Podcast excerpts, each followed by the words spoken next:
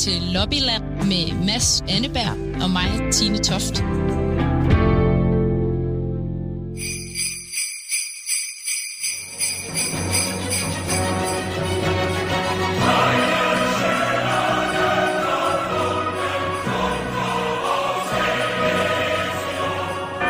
og så drak vi en, øh, en belgisk øh, stærk øl. Og der var krybespil med får, rigtige får. Så jeg slog på koppen og bad om ikke vi kunne synge den omdelte sang. Der var jo ingen, nej, men der var menukortet. Og synet af tjenerne, da vi begyndte at synge Marcia Jessen. Det, det glemmer jeg simpelthen aldrig. Unionen er stendød. Ho, ho, ho, ho. Vi tager det fra hoften, som det hedder. Men så er der ikke andet at sige end øh, velkommen til øh, Lobbyland, programmet, hvor vi prøver at få mere ud af, af EU. Og i dag er det jo en særudsendelse. Øhm, og derfor så har jeg øh, med mig i studiet, udover altså dig, Mads, min, min medvært, så har vi øh, Bertel Hårder og Rit Bjergård. Velkommen. Tak. Tak for det. Og vi skal måske lige bare starte med at, at skåle i gløk. Ja, det smager dejligt. Skål. Skål. Skål. Altså, den er lidt stærk, men den er svensk, var det ikke Det er jo svensk lykke, lige præcis. Øhm, og øh, det her er jo lidt et særligt program, fordi udover øh, Rit Bjergård, du har været altså, overborgmester, øh, fødevareminister, undervisningsminister, gruppeformand øh, og en hel masse poster, øh, så har du også været EU-kommissær. Og det er jo noget af det, vi skal tale om i dag, fordi I to begge to har siddet i, øh, i EU. Øh, og Steinberg, altså du har jo også haft en række poster. Altså udover alle de øh, mange, mange ministertitler, du har haft, Bertel, altså du er den længst siddende minister siden øh, systemskiftet i 1901, øh, så har du netop også siddet i Europaparlamentet fra 1994 til 2001 Og det er jo noget af det spændende, vi gerne vil snakke europaminister. og været europaminister. Danmarks første. I har siddet øh, nede i det her øh, system i Bruxelles og Strasbourg, som vi taler om til daglig i vores program, og på en eller anden måde prøver at, at hitte ud af. Og, og noget af det, vi egentlig vil starte med at spørge jer om, det er i den tid, hvor I har været der, som sådan set også har, har overlappet i, i nogle år. Holder man så nogensinde altså jul eller, eller julefrokost, eller tager man bare hjem? Nej, det gør man øh, bestemt. Jeg tror, at øh, reglen for kommissærer er, at man tager hjem til øh, jul. Men øh, den allerførste jul, hvor øh, jeg skulle træde til, der blev øh, Søren og jeg enige om, at øh, nu skulle vi da fejre jul i, øh, i Bruxelles. Altså Søren, Og din mand. Din mand. Det er min mand, ja. Søren Mørk hedder han, er historiker. Og øh, så gik vi ned på øh, Grand Place der øh, den, øh, den 24. Og det var meget festligt. Der sad på alle de der små caféer familier med øh, deres børn. Og øh, så gjaldede jo øh, ud over øh, pladsen øh, hymnen, EU-hymnen, øh, alle lænder verden bryder. Og, øh, og vi sad sådan der og følte, at øh, nu var det starten på, at, øh, at vi blev rigtig, øh, rigtig øh, EU'er, og så drak vi en, øh, en belgisk øh, stærk øl. De har en rigtig, rigtig god tradition for nogle fremragende øl. Og så trissede vi hjem og spiste vores and, som man gør i Danmark. Og der var krybespil med får, rigtige får, i halm og så videre. Hele Grand Plads var simpelthen juleudsmykket. Ja, det var rigtig, rigtig øh, flot, og det gav sådan en, en julestemning, og også sådan en, øh, synes jeg, sjov start på øh, et nyt liv, fordi øh, jeg flyttede øh, jo derned og havde en, øh, en lejlighed, og vi havde haft flyttemænd og det hele, der skulle ind, og så var jeg jo den første kommissær, der skulle til høringer i øh, parlamentet, så der var også en afsindig bunke dokumenter, der skulle øh, læses i den juleferie. Og jeg kan lige indskyde, at øh, hvis folk nu valgfarter til Grand Plads for at se de her levende får, så tror jeg faktisk, de er blevet skiftet ud med, med falske får efterhånden. Er det rigtigt? Er det et Ja. EU-direktiv, eller er det? Nej, det tror jeg ikke, det er. Men, øh, og så i stedet for, for, for EU-hymnen, så spiller man sådan noget teknomusik og har et lysshow og sådan noget. Ej, det er da ærgerligt, ærgerligt, det er at lidt man er ærgerligt. droppet EU-hymnen. Altså, at de levende får, det, det klarer vi nok. Men, øh, men det var faktisk øh, sjovt, at, øh, at det var levende. Ja. Hvad med altså, julefrokoster i parlamentet for eksempel? Er det noget, øh, man gør sig i med sine kolleger? Ja, absolut. Vi har jo overført vores danske julefrokosttradition til, til vores partigrupper. Altså den gruppe, der nu hedder Fremad, eller hvad den hedder. Nej, det hedder den ikke. Forny Men den, Europa. den hed tidligere ALDE og ELDR, og nu hedder den Forny Europa. Altså den liberale gruppe. Den holdt julefrokost ude i, i den der park i Strasbourg ved orangeriet. Og øhm, jeg synes, det var så fattigt, at vi ikke havde noget at synge. Og så fandt jeg ud af, at menuen, den kunne synges på Marseillesen. Så jeg slog på koppen og bad om ikke vi kunne synge den omdelte sang. Og der var jo ingen, nej, men der var menukortet. Og synet af tjenerne, da vi begyndte at synge Marseillesen, det, det glemmer jeg simpelthen aldrig. Hvordan så, er det, den Og lyder? året efter, så havde jeg selv skrevet en julesang på fire sprog. Altså det fantastiske ved Bertel Hårder, det er jo, at han har den evne, at han kan skrive øh, sange. Jeg har heldigvis også været ude for det øh, nogle gange, og der findes vel ikke et landsmøde, Bertel, uden at du har skrevet en sang. Nej, og du har været med i sangen. Ja, det har jeg også været. Det har ikke altid været smirrende, men ok. Okay, så I Kan- har kan du simpelthen siddet... Jeg tænker, skal du huske fra, noget af det? Menuen på Marseillesen. Da dam da da da da da da da dam da da da dam da dam da da. Af en eller anden grund, så kan man ofte synge menuen til den melodi, hvis der er en god forsanger. Så, så det kan jeg anbefale. Det må være meget fransk, Bertel, det der med, at øh, revolutionssangen hænger sammen med menuen. Ja, Ikke? men året efter, så skrev jeg ind på fire sprog. Jeg kan ganske vist ikke hollandsk, men hvis man bare har en hel masse S'er og Z'er, og, og, Og så- og, og, og det lyder hollandsk, Ja. så er det jo fint. Okay, så, så, så du siger, at danskerne har... Altså, du har i hvert fald ligesom fået julefrokosttraditionen ind over Ja, det må man sige. Men det var også meget sjovt at se svenskerne rende rundt i nissetøj og lege alle mulige juleleje, som, som vi slet ikke kender i Danmark. Men Det var også ved en julefrokost. Okay. Øhm, så hvis man sidder til en julefrokost, man mangler noget, så kan man altså synge menuen på den der. Lige meget hvilket sprog og hvem man sidder sammen med. I Frankrig. Ja. I Frankrig. Okay. Ja, hvis Ikke menuen- altid, Hvis men- menuen er på fransk, en så dansk, nok en bedre. dansk menu, det er nu ikke givet.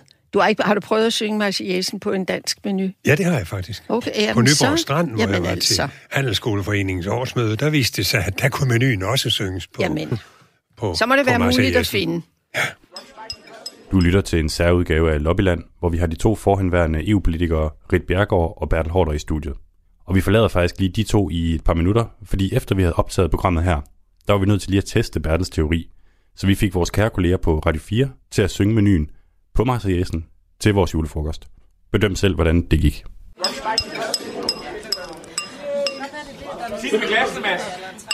Øh, der er jo nogle af os, der, øh, der stadig er på arbejde. Øh, vi lavede en, vi lavede en særudsendelse med Bertel Hårder den anden dag. Bertel fortæller os, at øh, da han sad i Europaparlamentet, så hvis, hvis Bertel ikke havde skrevet en sang, hvilket jo virker som en utænkelig situation, så er der en ting, man altid kan gøre, øh, og det er at synge menuen. Man skal synge den på Marseillesen, Marseillaisen. den franske nationalhymne.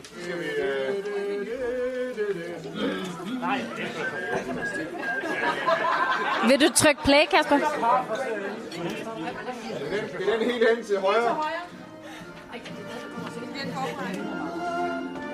Høj lidt op, og der bliver reageret det her. Fiskeflæk. Bryst med mandler og parma skinke chips. Leverpostej, champignon, svinekæber, Sukre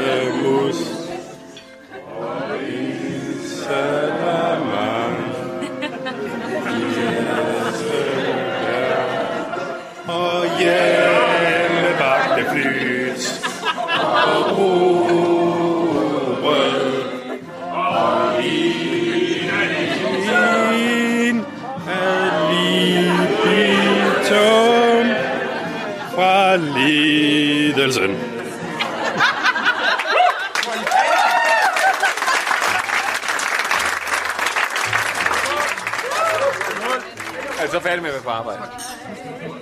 Apropos sjov historie, må jeg ikke lige spørge, fordi du var ved at fortælle en anekdote, før vi gik i gang med at producere eller optage, om en aprilsnar. Øh, ja. Ja, det var Lille Gyllenkilde, som var medlem for SF, og som kom til at hoppe på en aprilsnar, en 1. april, hvor der var udsendt øh, en historie om, at en Fanta Hentehar havde foreslået noget fuldstændig sindssygt. Og det harcelerede hun sig over.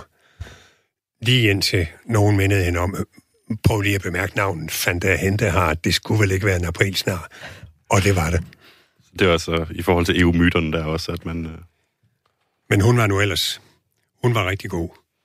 Hvad med altså julefrokosttraditionen? Er der andet, I har taget med? Altså jeg ved ikke, om det også er det samme i kommissionen, hvor du sad som miljøkommissær. Var det det samme med julefrokosttradition? Nej, det var det ikke. Der var en, øh, en sidste frokost. Vi spiste altid sammen efter et øh, kommissionsmøde hver øh, onsdag. Og så lige før jul, der var der så en frokost.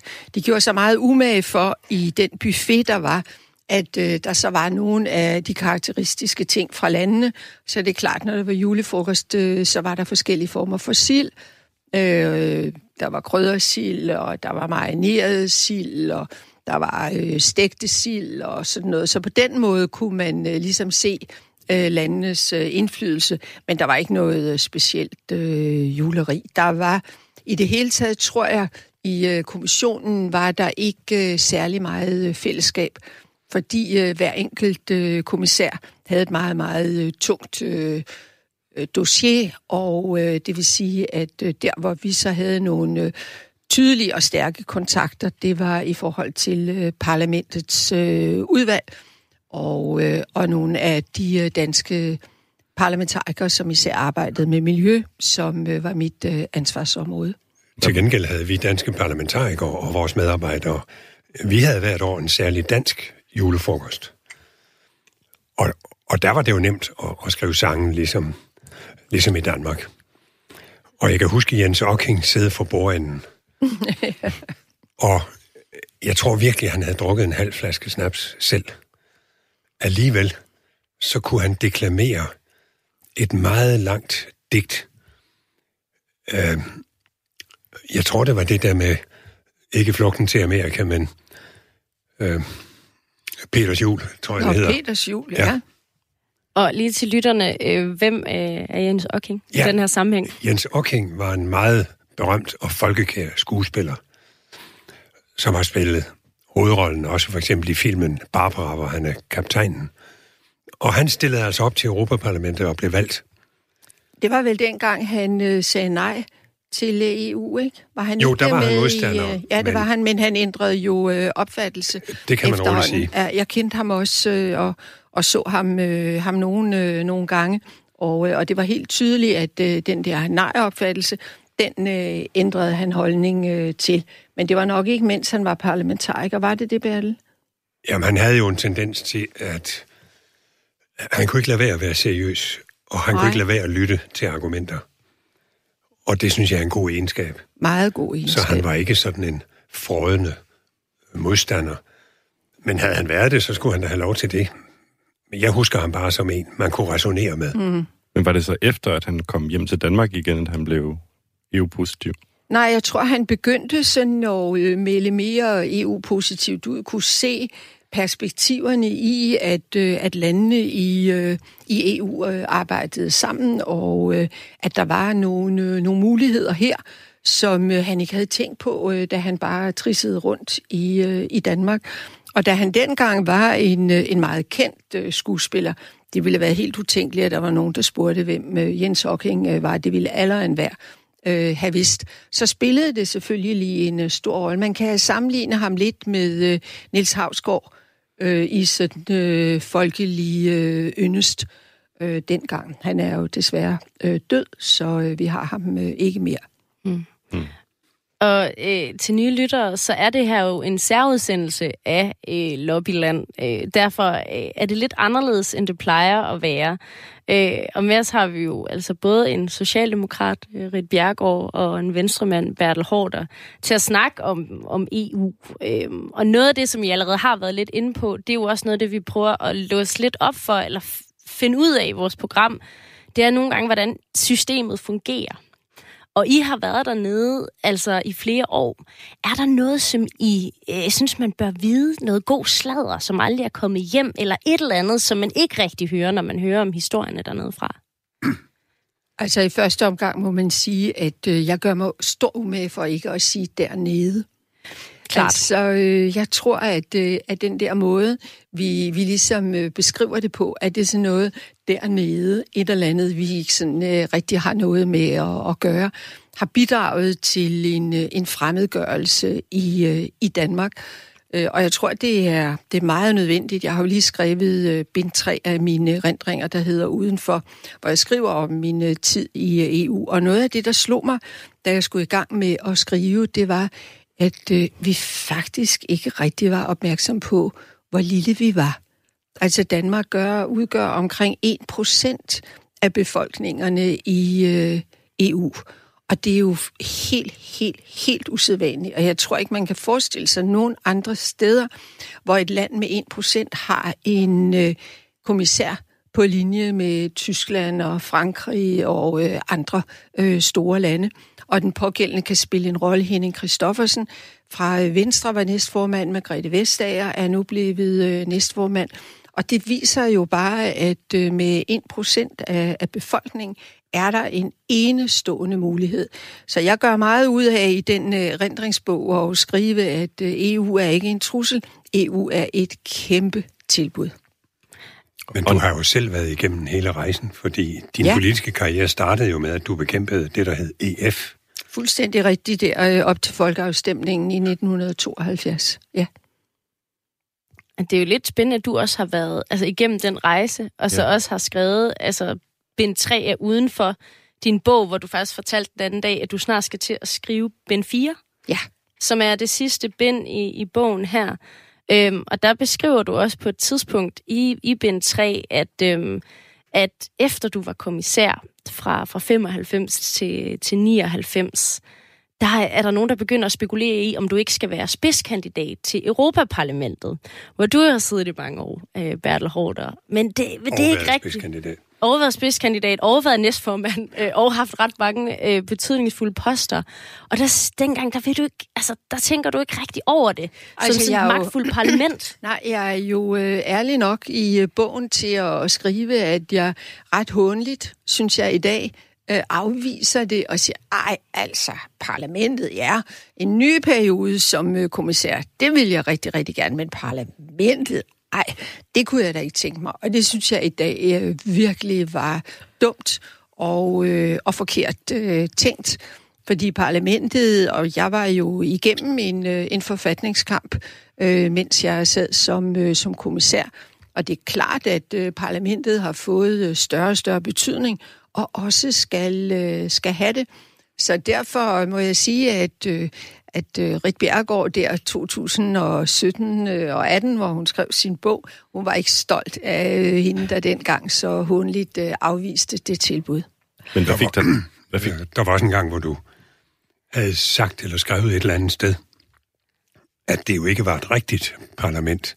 Og jeg kan huske, det var så sjovt, for det blev oplæst i parlamentet af nogen, som jo ikke kunne dansk. Så en, en rigtig parlament.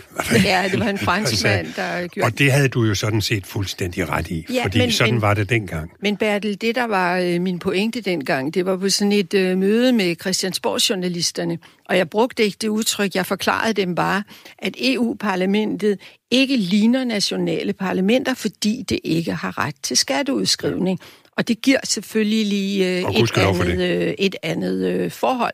Og så var der en vaks, øh, eller rettere sagt en MC, øh, journalist for det konservative pressebyrå, der øh, mailede det ned, og så var jeg lige pludselig tilbage i Thatcher-tiden, hvor hun havde jo sagt, at det var et Mickey Mouse øh, parlament. Og det har hun jo faktisk så, heller ikke sagt, så vidt jeg forstod. Og det har jeg tror, jeg heller hun ikke sagt. misforstået. Men, men det blev så en, øh, en rigtig øh, stor øh, historie der til sidst, og der var det ikke så sjovt at være den kommissær, der sad der på bænken, og jeg måtte ikke engang svare. Det var kun øh, kommissionsformanden øh, Jacques Santerre, der måtte svare. Det gjorde han på en nydelig måde, men når man er selv politiker, så vil man jo gerne slås, når øh, det er nødvendigt, men det måtte jeg ikke. Og så fik jeg så et uh, rigtig, rigtig fint samarbejde med parlamentet efterfølgende.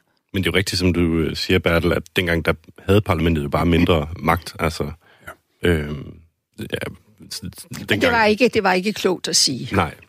Og parlamentet kan jo heller ikke tage initiativ til lovgivning. Nej. Den her, og det kan man diskutere, om det er rimeligt, men jeg er kisteglad for, at parlamentet ikke kan stille forslag om ekstra udgifter, og ikke kan sætte udgifterne i vejret.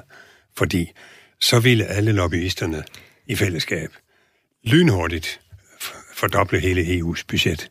Det tror jeg også. Den her øh, kamp, forfatningskamp, øh, hvis vi lige skal gå lidt mere ind i det, altså, øh, I var nødt til at gå af øh, lidt før øh, jeres øh, kommission, Centær-kommissionen tilbage i 99. Ja, altså det, der var specielt dengang, det var, at øh, vi var de første, der havde høringer. Og øh, Jacques Delors, som var kommissionsformand før øh, Jacques Santerre, han, øh, han havde afvist det totalt. Der kunne ikke blive tale om, øh, om høringer. Men øh, Santerre, han øh, havde faktisk svært ved at få tilstrækkelig opbakning i øh, parlamentet. Så han medgav, at der kunne blive høringer, men det var af kommissionen samlet. Det vil sige, at man kunne kun bedømme det samlede resultat. Man kunne ikke bedømme den enkelte kommissær. Og det betød jo, at der så kom en øh, korruptionssag mod øh, to af kommissærerne, en øh, spansk og en øh, fransk. Den spanske blev frafaldet i sådan et kompliceret forløb, og den franske blev, blev opretholdt. Så var der ikke nogen mulighed for andet, hvis den franske Edith Cresson selv ville gå af, så var der ikke nogen mulighed for, at kommissionen kunne gøre noget. Og det ville hun ikke, og franskmændene kunne ikke se for sig, at en tidligere statsminister skulle trække sig tilbage i, i vandære, og så måtte hele kommissionen gå af. Og det benyttede parlamentet selvfølgelig klogt nok, og det er parlamentets opgave, til at få nogle ekstra beføjelser, som de jo så efterhånden har fået. Så nu tager de stilling til enkelte kommissærer og afviser også nogle af dem. Og sagen handlede om, at den franske kommissær Edith Cresson havde ansat en ven ja. i en post, på en post, som han ikke var kvalificeret til. Fuldstændig Jeg tror, rigtigt. han var tandlæge, var han ikke? Ja, det tror jeg også. Hun kom så øh, videre i, øh, i retssystemet og øh, blev dømt øh, for det, men øh, ind i 2000, øh, jeg tror det var fem eller seks, men øh, mistede ikke sine øh, pensionsrettigheder. Jeg skriver om det i udenfor, fordi det var selvfølgelig lige en, øh, en meget karakteristisk øh, sag øh, for os, og jeg følte mig meget ubehagelig øh, til mode, fordi de danske medier havde jo travlt med, at det var os alle sammen, der mm. havde været øh, korrupte, og, øh, og det havde vi jo ikke. Nu, nu, nu siger øh, du selv, at det var Europaparlamentet, som, som ligesom i sidste ende fik jer til at gå af. Havde, havde du en hånd med i spillet der, øh, Bertel? Jeg var næstformand i den liberale gruppe, og det var vores formand, som kom til at sige de forløsende ord, da han kaldte kommissionen øh, dead fish in the water. Altså, kommissionen var som en død fisk i vandet. Og det blev sådan symbolet på tilstanden, som jo så fik den afslutning, at kommissionen gik af. Og hvordan foregik det? Fordi jeg kan også se, at øh, altså, du skriver i udenfor, øh, Rit Bjergård, at i alle årene havde jeg vidst, at parlamentet måtte finde en lejlighed til at udvide sine magtbeføjelser. Hvordan foregik den her kamp? Kan I gå lidt mere ind i det, øh, Bertel Hårder? Jamen, det foregår jo for eksempel, når man forhandler budgettet. Så, så sidder jo kommissionen på den ene side af bordet, og parlamentet på den anden side af bordet, og så trækker de tog. Og, og det er der, jeg er så glad for, at parlamentet ikke selvstændigt kan sætte bevillingerne i vejret. Men kan selvfølgelig godt med kommissionens accept og med regeringernes accept. EU køres jo af nationalstaterne, og det synes jeg er vigtigt at holde fast i. Men så er der kommet masser af lovgivning på miljøområdet og det indre marked, som jo er en kæmpe succes. Og der er parlamentet et rigtigt parlament. Det skal jeg love for. Ja, fordi det, som du siger, Rit, med at Danmark har større indflydelse, end vi er berettiget til. Det er vel især i, i det, der hedder rådet, altså med, med regeringerne. Altså i parlamentet, der har vi jo ikke det hele store. Det er i allerhøjeste grad også i kommissionen. Tænk mm. på, at vi har en øh, kommissær, som øh, bare repræsenterer øh, 1% af, øh, af befolkningerne. Men det, jeg var meget øh, opmærksom på i min tid som øh, miljøkommissær, hvor jeg havde nogle meget øh, kontroversielle og øh, vanskelige sager, det var, at det var ikke der, der skulle være en øh, konflikt med øh, parlamentet. Og den første var jo øh, prøvesprængningerne på Mururoa, som Frankrig stod i spidsen for. Og det var klart sådan umiddelbart, så ville jeg bare gerne have, at det kunne vi forbyde. Øh, og det ville parlamentets øh, flertal øh, også. Og der bliver man så nødt til at gå den vej. Hvad er det for nogle midler, vi har? Hvad siger traktaterne? Hvor kan vi blande os? Hvor kan vi ikke blande os? Og der nåede vi at øh, få det landet på et meget godt, øh, på en meget god måde, ved at vi fik adgang til at kontrollere det, men vi kunne ikke forbyde franskmændene i at, øh, at øh, afholde de øh, prøvesprængninger, men der var nogle øh, meget, meget klare demonstrationer, især over for øh, præsident øh, Chirac i Jeg var med til at protestere mod det. Ja. Vi havde sådan et skilt, vi holdt op i parlamentet. Ja. Og den danske statsminister Poul Nyrup Rasmussen, han cyklede som bekendt i demonstration imod Frankrig med en cykelhjelm, der var lidt for lille. Hvad stod der på det skilt? Det kan jeg ikke huske. Ja, der er garanteret stået øh, nej til, øh, til prøvesprængninger, og det var på, øh, på mange øh, forskellige sprog. Og det var sådan set den, øh, den første sag, der var, men jeg havde et par andre, som var kontroversielle. Hele diskussionen om øh, sænkningen af olieboreplatformen øh, Brent Spar, som øh, englænderne synes, at øh, den kunne man da bare smide i havet, og øh, så kunne den øh, trygt og godt øh, ligge der. Og vi, der var interesseret i miljøet, vi synes, at det var en absolut øh, dårlig idé. Vi skulle ikke gøre havet til en øh, losseplads. Så der var stærke protester, og øh, Verdens Naturfredningsforening øh, gik ind i det, og, øh, og der øh, havde jeg et rigtig, rigtig godt samarbejde med øh, parlamentet. Men endte det ikke med, at den blev sænket? Nej, den blev Nå. ikke sænket. Den blev så øh, ført øh, til øh, Norge, Nå. til et øh, sted, hvor øh, man kunne øh, skille den øh, ad.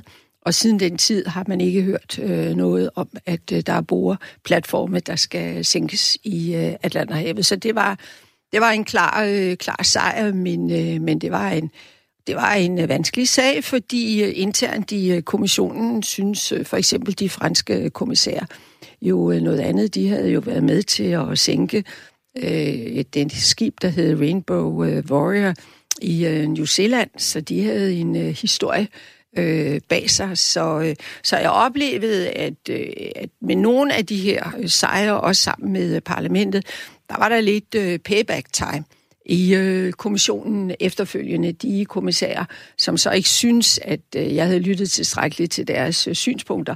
De synes heller ikke, de behøvede at hjælpe mig med øh, nogle øh, andre sager. Men det er da vildt interessant, at på altså, netop miljøspørgsmålet, som du har siddet med, der har du simpelthen oplevet, at du har nærmest arbejdet bedre sammen med parlamentet end de andre kommissærer, eller hvad? Ja, altså det skete jo med nogle af de sager. En af de andre sager, jeg havde, det var genetisk modificerede øh, organismer. Og der havde jeg også klart et øh, bedre samarbejde med parlamentet, og vi var enige om til rettelag simpelthen øh, nogle øh, forløb, hvor, øh, hvor vi kunne øh, spille sammen øh, omkring det. Øh, også i forhold til, øh, til nogle af, af medlemslandene. Altså man har jo en proces, hvor det både er parlamentet og medlemslandene, der skal stå bag ved en, øh, en lovgivning. Mm. Og vi kan lige sige, at det Rainbow Warrior-skibet, der, det var jo et Greenpeace-skib. Det var Greenpeace-skibet, altså, ja. Det viser også lidt, hvor, hvor meget man så er imod miljø, ikke, hvis man tager ned og sænker det. Ja, og, og det var jo en meget sød øh, videreførsel på det, at øh, deres ordsprog efterfølgende var så, at man ikke kunne sænke en regnbue. og det kan man jo ikke. Og er der så et sted, hvor, hvor I to, altså når I har siddet dernede i paven, har I to slås? Nej, det mener jeg faktisk ikke. Det mener jeg faktisk ikke. Jeg sad heller ikke i Miljøudvalget. Mm. Jeg sad i udvalget om borgernes frihed, og jeg var udenrigsordfører og skrev en menneskerettighedsrapport. Jeg tror, halvdelen af de danske parlamentarikere sad i Miljøudvalget, og det synes jeg Der var altså var mange. nok. Jamen, der, var, Der skulle jo også være nogen til at sidde i andre udvalg. Det er, det er fuldstændig øh, rigtigt. I dag Der, er hvor det jo- jeg tænkte over øh, det med, øh, med, med Bertel, Øh, og det har jeg sagt til ham selv, og jeg synes også, jeg har lyst til at sige det her i øh, udsendelsen, det var, at jeg faktisk øh, jeg havde set for mig, at øh, Bertel skulle have haft en, øh, en kommissærpost øh, på det tidspunkt, hvor det var øh, Venstre, der, øh, der udpegede øh, efter øh, min efterfølger, som var øh, Paul Nielsen. Men der var så en anden kabale, der skulle øh, gå op, men øh, det ville have været spændende med sådan en som øh, Bertel, som øh, havde en fortid i parlamentet og øh, derved kom med en anden viden ind i, i kommissionen. Og derfor har jeg også glædet mig lidt over, at Jeppe Kofod, som var EU-parlamentariker, er blevet udenrigsminister, fordi det sender et signal til befolkningen om, at det er vigtigt med parlamentarikerne i EU.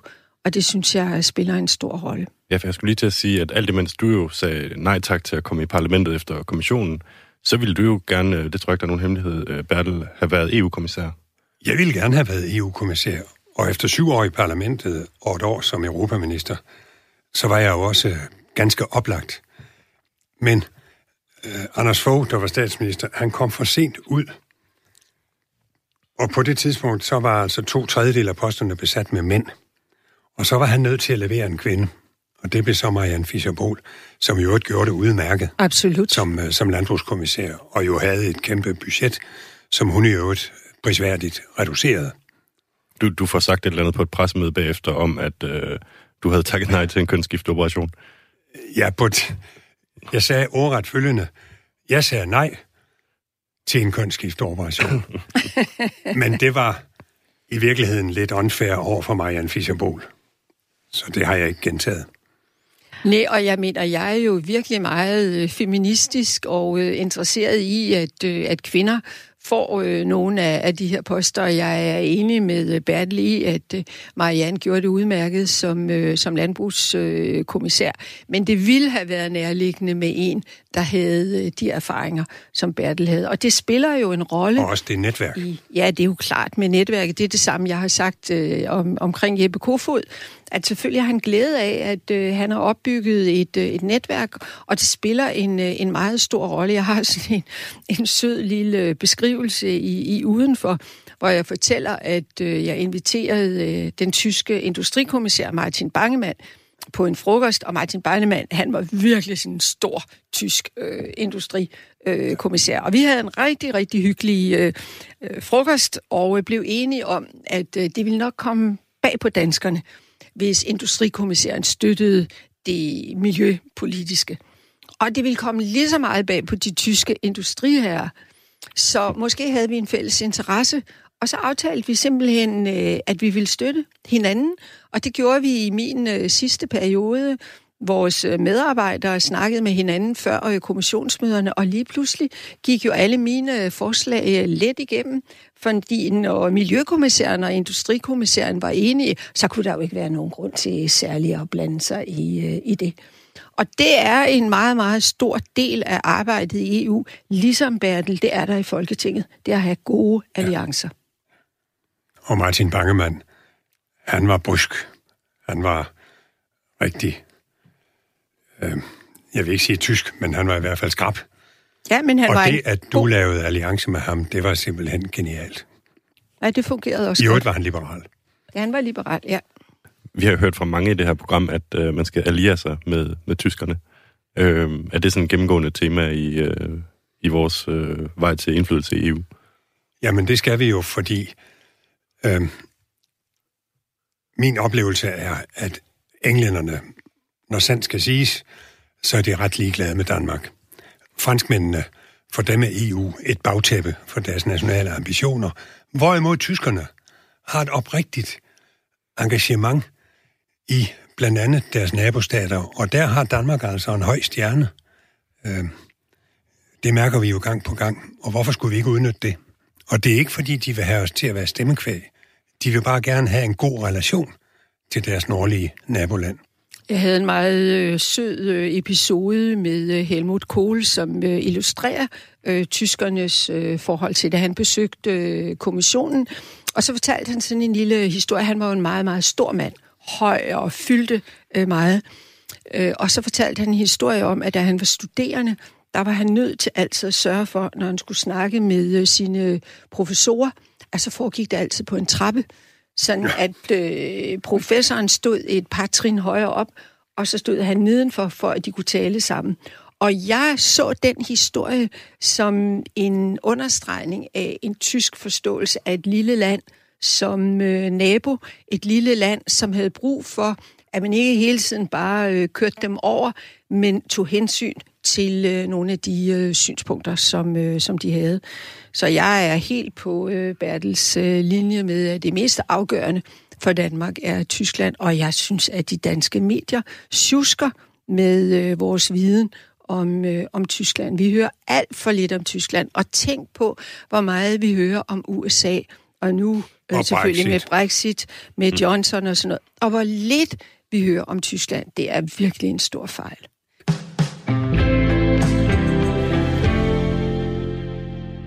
Igen til nye lyttere. Rit Bjergård har været øh, miljøkommissær øh, for Socialdemokratiet og Danmark, og Bertel Hårder har været medlem af Europaparlamentet, næstformand i Europaparlamentet og europaminister. Er der noget, I fortryder, I har været med til dernede? Fordi vi taler jo tit om regler øh, i vores program, regler, hvor EU er gået for langt, eller vores, vores lyttere synes, det kan ikke passe, vi ikke kan ændre det i Danmark, eller andet. Er der noget, hvor I sidder og tænker, ah, der gik det alligevel for langt, eller vi havde ikke set det gå så langt? Altså, jeg har et princip om ikke at fortryde. Jeg, jeg, jeg tror, at øh, når man bliver gammel, og, øh, og jeg er 78 nu, så øh, kan man få meget tid til at gå med at sidde og tænke over alt det, man skulle have gjort anderledes, og der kunne jeg også, og der kunne jeg også. Og det tror jeg ikke fører til, øh, til noget som helst. Så der er ikke noget af det, jeg har været med til, som, øh, som jeg fortryder. Så jeg håber, Bertel han har noget. Ikke rigtigt. Nej. Fordi jeg synes egentlig, at jeg var meget aktiv på flere fronter, og så beskæftigede jeg mig med menneskerettigheder og med udenrigssager, hvor der virkelig er grund til, at de europæiske lande samarbejder. Og så var der jo alle de myter i Danmark om krumme agurker og alt det skrækkelige, som EU havde gjort. Og der elskede jeg jo at udgive små pamfletter, hvor jeg imødegik de myter. For hvem var det, der kom med agurkestandarden? Det var Danmark. Og hvem var det, der ville have lavet en juletræsstandard, hvis ikke vi havde forhindret det? Det var Danmark. Og det er selvfølgelig, fordi det er et øh, stort øh, marked på næsten 400 øh, millioner indbyggere med fælles regler. Og det betyder selvfølgelig, at det er jo ikke ligegyldigt, om man får en kasse med krumme agurker, fordi der kan jo ikke være nær så mange i, som hvis de er lige. Så derfor er der et ønske om, at øh, agurkerne skal være lige. Og det gælder jo rigtig mange af, af de bestemmelser, som øh, et lille land altid har en fordel af. Og det var et dansk krav. Ja, ja, men vi står jo over for nogle, øh, nogle udfordringer. Men nu er de afskaffet, de regler. Ja, nogle af de... Marianne Fischer-Bohl afskaffede dem. Okay, men nogle af de øh, udfordringer, øh, vi står overfor, det er jo diskussionen om øh, minimumsløn. Det er noget skidt i de nordiske lande, som har en meget stærk tradition med fagbevægelsen, om at det er et øh, organisatorisk øh, spørgsmål, som, øh, som man klarer af, og ikke lovgivning mens øh, de andre lande i øh, EU har det som med lovgivning, og selvfølgelig er interesseret i, at der er øh, minimumsregler. Og det, det er ikke nogen øh, nem sag at finde et øh, kompromis i. Så det er et af de steder, hvor du tænker, her kan EU gå for langt. EU kan gå for langt i forhold til, øh, til Danmark og øh, den model, vi har opbygget. Men jeg er jo en øh, stor fortaler for, at de lande, der har lovgivning, selvfølgelig også har nogle regler øh, omkring øh, minimumslønninger, sådan at øh, arbejdskraften ikke hele tiden øh, underbyder hinanden. Jeg mener, det er en katastrofe, hvis EU går ind i, i velfærdsstatsanlæggende. Ja, det er det. Fordi hvis EU vil være alle problemers løsning, så bliver EU også alle problemers årsag. Og hver gang der er nogen, der ikke får det så godt, som de vil have det, så siger man, jamen det er besluttet i EU, og så bliver folk sure på EU. Det er en af mange gode grunde til, at EU skal holde fingrene væk fra, fra det, som man kalder den sociale union. Der kan være andre felter, hvor det kan være meningsfuldt. Det er at beskytte arbejdskraften. Øh, den grad med på. Og miljøet og så videre, som vi har talt om. Men det at gå ind og... Altså, uddannelse er vi enige om. Undervisning, det skal EU ikke blande sig Ej.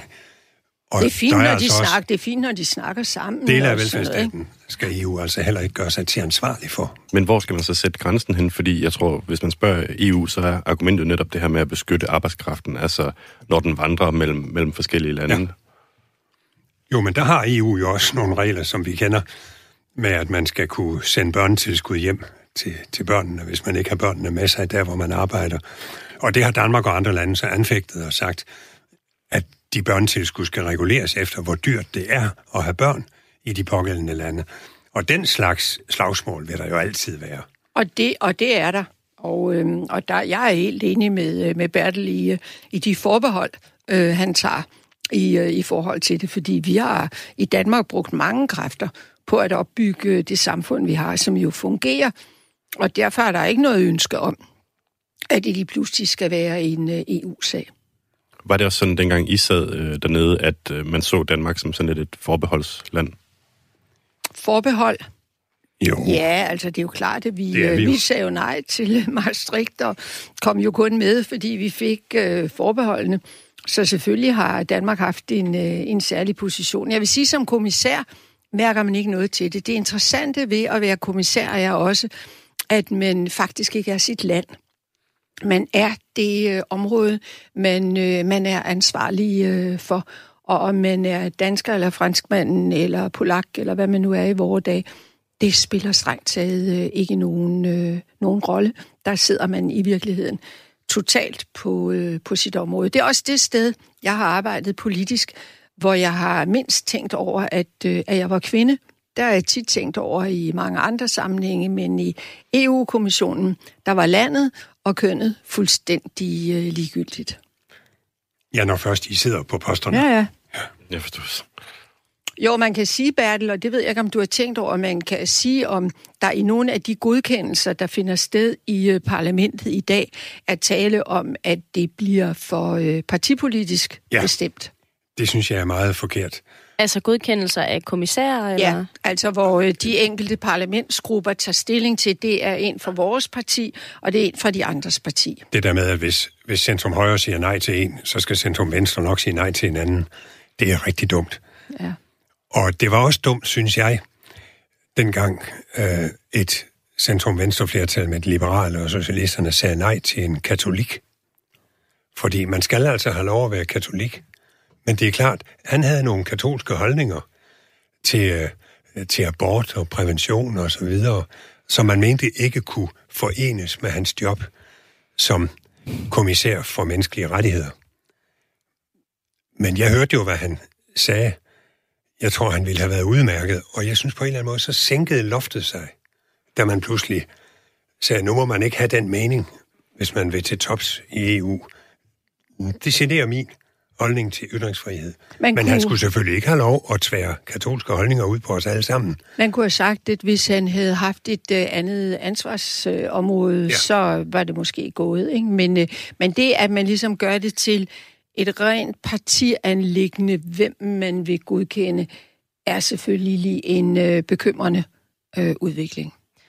Man kan måske sige til lytterne, at, at de høringer, I taler om, øh, har vi jo næsten lige set med den nye kom- kommission, øh, hvor Margrethe Vestager og hele kommissionen egentlig er endt med at blive godkendt. Men efter en masse høringer, hvor tre kommissærer, tror jeg, røg i svinget, øh, og de faktisk blev forsinket, selvfølgelig på grund af britterne, men også fordi der var en hel masse hul om hej. Men Bertel Hårde, er det ikke netop bare der, hvor parlamentet har fået mere magt? Er det ikke bare godt? Jo, og parlamentet elsker jo at vise muskler. Så før det hele begyndte, så tror jeg mange i parlamentet mente, at vi skal i hvert fald have slagtet en af dem, de kommer med. Men, Og det synes jeg egentlig er lidt dumt, for hvad nu, hvis de faktisk var gode nok alle sammen? men Ja, savn, altså nogle gange bliver det... Jeg bliver har aldrig været med på de der aggressive parlamentsforsøg på at skaffe sig indflydelse ved at blokere. Det har jeg altid været imod. Nogle gange bliver det lidt for øh, Krampagtigt. demonstrativt, øh, og, øh, og det er ikke nogen øh, fordel. Jeg har et spørgsmål. Øhm, Rit, du gjorde på et tidspunkt et, et forsøg på ligesom at, at fortælle danskerne om, om noget af det, der foregik i, i EU øh, bag, øh, bag scenen på en måde. Øhm, men det, altså, det var en bog, som, som du har udgivet, øh, eller var lige ved at Kommissærens udgive, dagbog. kommissærens dagbog, Ja. men som du så faktisk øh, trak tilbage igen. Øh, fortæl lige lidt om det. Ja, altså, øh, jeg havde den øh, forestilling, at øh, mine vælgere måtte være lidt sure over, at de havde øh, stemt øh, i så talrigt øh, på mig der i øh, 94. Og, øh, og så sagde jeg farvel, farvel, nu øh, tager jeg jo til øh, Bruxelles. Så nu skulle jeg skrive sådan en uh, let tilgængelig uh, bog til dem om, uh, hvad var det så, jeg lavede dernede i uh, EU. Det kom jeg ikke så heldigt afsted med, fordi en uh, journalist på uh, Jyllandsposten, han uh, stjal bogen fra uh, kulturredaktionen, uh, og så lavede han en uh, forside om, at jeg generede uh, Jacques Chirac. Og det kan man jo godt se for sig en øh, ny øh, udvalgt øh, dansk kommissær, som øh, generer den øh, franske præsident. Øh, det, var, det var ikke så godt. Jeg mener, at der var overhovedet ikke øh, nogen problemer i, øh, i det, jeg skrev. Jeg har gentaget det nu i, i den nye bog. Men så fik jeg selvfølgelig hele øh, tilbagesmaget fra slaget fra øh, den danske offentlighed. Niels Helve gik ud og fortalte, hvor forfærdelig jeg var, og Paul Slytter anerkendte mig en, øh, en hver øh, værdi overhovedet. Så det blev en dansk bashing af, af mig. Og, øh, og jeg var ikke indstillet på, at jeg skulle bruge så meget tid og kraft på det, og derfor trak jeg bogen tilbage. Det ærgerede mig selvfølgelig, men sådan var det. Bertel, du var også ude og kritisere det. Kan det passe? Det er jeg faktisk ikke sikker på. Det tror jeg ikke, jeg gjorde. Jeg læste den heller ikke. Der, den var også sådan øh, meget, altså ligesom en dagbog, sådan og de lidt citater, jeg så om Chirac, synes jeg ikke var, synes jeg ikke var så slemme. Det men, men det var nok selve det, at du gjorde det. Fordi så kan de jo føle sig beluret hver gang øh, de har møder med dig. Og, og det var vel det, der var problemet. Altså, det forsvandt. Da jeg trak bogen, så forsvandt det helt i øh, den europæiske øh, debat, og jeg havde ikke nogen kvaler i parlamentet øh, med det, men det var selvfølgelig lige noget, der ligesom sådan øh, blev brugt øh, internt i øh, et halvt års tid eller sådan noget. Et halvt år alligevel? Ja, det var det. Ja, så skulle jo den journalist, som havde stjålet bogen, han kunne jo lave sådan nogle store artikler om, hvor udulig jeg var, og der ikke var nogen kontakter og sådan noget, ikke? Sådan er det, og det må man tage med. Må jeg spørge for sådan et par, par åbenmundede levende mennesker, som, som jeg tog, altså var det så lidt øh, et stivnakket system at være i dernede? Nej, det synes jeg ikke. Det var mere den danske presse, der indimellem var stivnakket. ja, det var det. Det har Bertel ret i. Øh, men vi vil jo gerne ind bag facaden og ligesom høre, hvad er det, som man finder ud af, når man tager til Bruxelles og bliver politiker dernede, som man ikke ved, når man bare går rundt herhjemme? Altså, hvad, hvad, hvad overraskede jer, da I kom derned? Man ved ingenting. Hele det der apparat, at det overhovedet er muligt at få det til at fungere. Altså som miljøkommissær, hvor jeg havde et, øh, et miljøgeneraldirektorat med alle øh, de daværende nationaliteter. Det vil sige et lovforslag, der kom op til mig, det kunne have været startet med en øh, italiener, gået videre til en hollænder, der skulle øh, godkende det, så rundt om en øh, græker, for at komme op til en brite, før det kommer op til en, en dansk kommissær. Og pointen i det er, det fungerer. Og, og de kan få det til at fungere. Jeg synes, det er det enestående. Men det er klart, det er jo også det, man med en vis ret kan kalde eliten, som der samarbejder parlamentet er jo mere præget af en masse græsrødder og folk med de særeste meninger, og grækere, græske kommunister, der råber og skriger hver gang de har ordet. Og jeg kan huske, at jeg engang øh, spurgte SF'eren Lille Gyllenkilde, hvordan kan det være, de der græske kommunister altid råber og skriger? Så fortalte hun mig lidt om, hvorfor de gør det. Fordi hvad de har været igennem under Oberststyret ja. i 68 og så videre. Og så var der de der skøre franskmænd, anført af Philippe de Villiers, som var adelsmand fra det sydvestlige Frankrig, fra Vendée-provinsen. Han, han og hans gruppe, hvor til Jens Peter Bunde jo sluttede sig, de hadede EU. Og inde i midten af Strasbourg kunne man se, hvorfor. For det var jo plads Kleber med en kæmpe statue af general Kleber, med listen over alle hans sejre. Og den øverste sejr, det var Vendée. Det var, da han pulveriserede Vendée totalt. Altså, og, og, og det var i 1792, under den franske revolution. Så det var noget af det, der fascinerede mig, at alle ejendommeligheder hos de der folkeslag, der mødes i parlamentet, de har en årsag. Der er en grund til, at de hylder og skriger. Og britterne, Jamen, de tror jo, at alt det onde kommer fra Europa, og at det aldrig kunne være opstået hos dem, og derfor har de den der holdning til Europa, at øh, de siger over i Europa. De ser ikke sig selv som en del af Europa. Der er altså også en ting, når vi taler om øh, ting, man måske ikke ved fra Bruxelles, som jeg mindes, at, at du har fortalt mig, øh, Bertel Hårder, en gang, da jeg studerede og lavede en podcast. Jeg mener, du fortalte mig, at du stod på hovedet. Jamen, det var en gang, hvor lyset gik ud, og øh, vi sad og vidste ikke, hvad vi skulle lave, og så var der sådan en fin øh, platform i gruppen, og så tog jeg en tur på hænder. det, det var, sådan, bare lidt atletik, ja, det var eller hvad? lidt for at underholde gruppen. Men altså, det har, Noget Bertel, det har Bertel gjort adskillige øh, gange. Jeg har set flere historier om, hvordan Bertel øh, gik ind i øh, til Venstres øh, landsmøde øh, på øh, ikke på hovedet, men altså sådan øh, på hænderne. Så øh, det er en færdighed. Jeg må sige, at jeg, jeg har ikke den færdighed. Var de imponeret? De synes i hvert fald, det var sjovt. Men nø- nød I at bo i Bruxelles? Altså, Ja, jeg gjorde, altså Nej, jeg det var, gjorde jeg rigtig, ikke. jeg var rigtig glad for det. Jeg synes, det var, det var så, øh, så spændende, og jeg havde mine nevøer og niæser og gode venner dernede. Det er jo sådan, at øh, i EU-kommissionen, der har man arbejdsmåned i juli og øh, ferie i øh, august. Så der var rigtig stor efterspørgsel om at komme ned og besøge mig, og så kørte vi rundt og så det ene og det andet. Og jeg vidste, hvor jeg skulle købe ind og spise og sådan noget. Jeg, jeg synes, det var fantastisk at bo i uh, Bruxelles. Strasbourg var utrolig charmerende. Den er smuk. Jeg synes ikke, at Bryssel var så vidunderlig, men, men så lærer man jo at kende de gode steder, og inde ved Grand Plads, som vi talte om, der var det jo altid hyggeligt lige at gå en aftentur. Jeg sørgede altid for at bo dernede i nærheden, fordi jeg kunne ikke holde ud at være oppe i nærheden af parlamentet. Nej, det er nu heller ikke Det var bare for kønt. trøstesløst. Var der nogle gode restauranter eller nogle, nogle steder, som du var meget... Der er rigtig mange, og de sidder og spiser ude hele året. Altså, jeg havde også en sjov oplevelse med det med, med mad, for der stod øh, mulfrit, og jeg sagde til Søren, det er alligevel interessant, at de friterer muslingerne.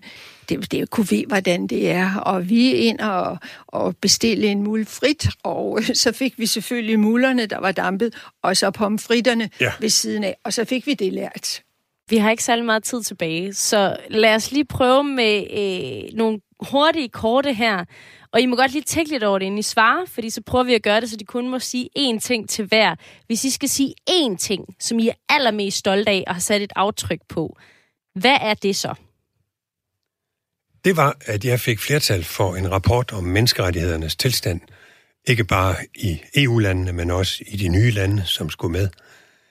Det var nemlig en præstation, fordi de to foregående år, der havde der ikke kunne samles flertal for noget som helst. Men jeg allierede mig med en hollandsk socialdemokrat, og vi to, vi fik den igennem. Og Rit? Det var, at jeg fik startet øh, klimakampagnen. Jeg var ansvarlig for øh, klima som øh, miljøkommissær dengang, så øh, jeg ledede forhandlingerne i øh, Kyoto, som øh, fik startet den øh, bevægelse, som øh, jo i dag er øh, noget af det vigtigste og noget af det, vi er mest øh, optaget af i, øh, i Danmark. Hvis I så skal give et råd til den danske regering lige nu i forhold til, hvad man skal gøre for at få det ud af EU, som man gerne vil have, hvad skulle det så være? Jeg har et rigtig godt og meget vigtigt råd. De skal passe møderne. Det gør de nemlig ikke. Jeg har set en statistik over, hvor stor forsømmelighed der er. Og det er dumt. Øh, også de uformelle møder skal man passe. Fordi man skal jo have personlige kontakter. Man skal have deres mobiltelefonnummer, så man kan ringe til dem og sms'e. Så det er så vigtigt at komme der som person og lære de andre at kende. Skolelærerråd? Det er jeg, det er jeg umiddelbart øh, enig i, og jeg er også skolelærer, så det passer, passer godt. Men derudover vil jeg sige, at øh, jeg synes, at det er vigtigt, at enhver regering gør sig klart, at EU er indenrigspolitik. Det er ikke noget, der foregår dernede eller fremmede steder. Det er kun interessant i det omfang, det betyder noget for øh, danskerne. Og, øh, og det tror jeg er vigtigt øh, at gøre sig klart, fordi det betyder også, at det er nødt til at spille en øh, langt større rolle på tværs i øh, folketingsarbejdet. Jeg tror simpelthen, det er det, vi når for nu. Øh, mange tak, fordi at I ville komme herind i studiet. Øh, Rit Bjergård, tidligere EU-kommissær øh, blandt meget andet, og Bertel Hårder, tidligere parlamentariker, næstformand og europaminister blandt meget andet. Mange tak skal I have. Selv tak. Og undskyld min stemme, som skyldes, at jeg var til Berlinmurens fejring. Og der blev jeg forkølet. det skal man da også bare blive efter sådan en fejring. Ja. Det er jo helt vildt mange penge. Det er EU-regler, der er afgørende. Og så øh, skyder han i panden, ikke også? Og så stikker vi dem bagefter. Det, det er altid en legendarisk forhandling i EU-sammenhæng, og der, der slås man virkelig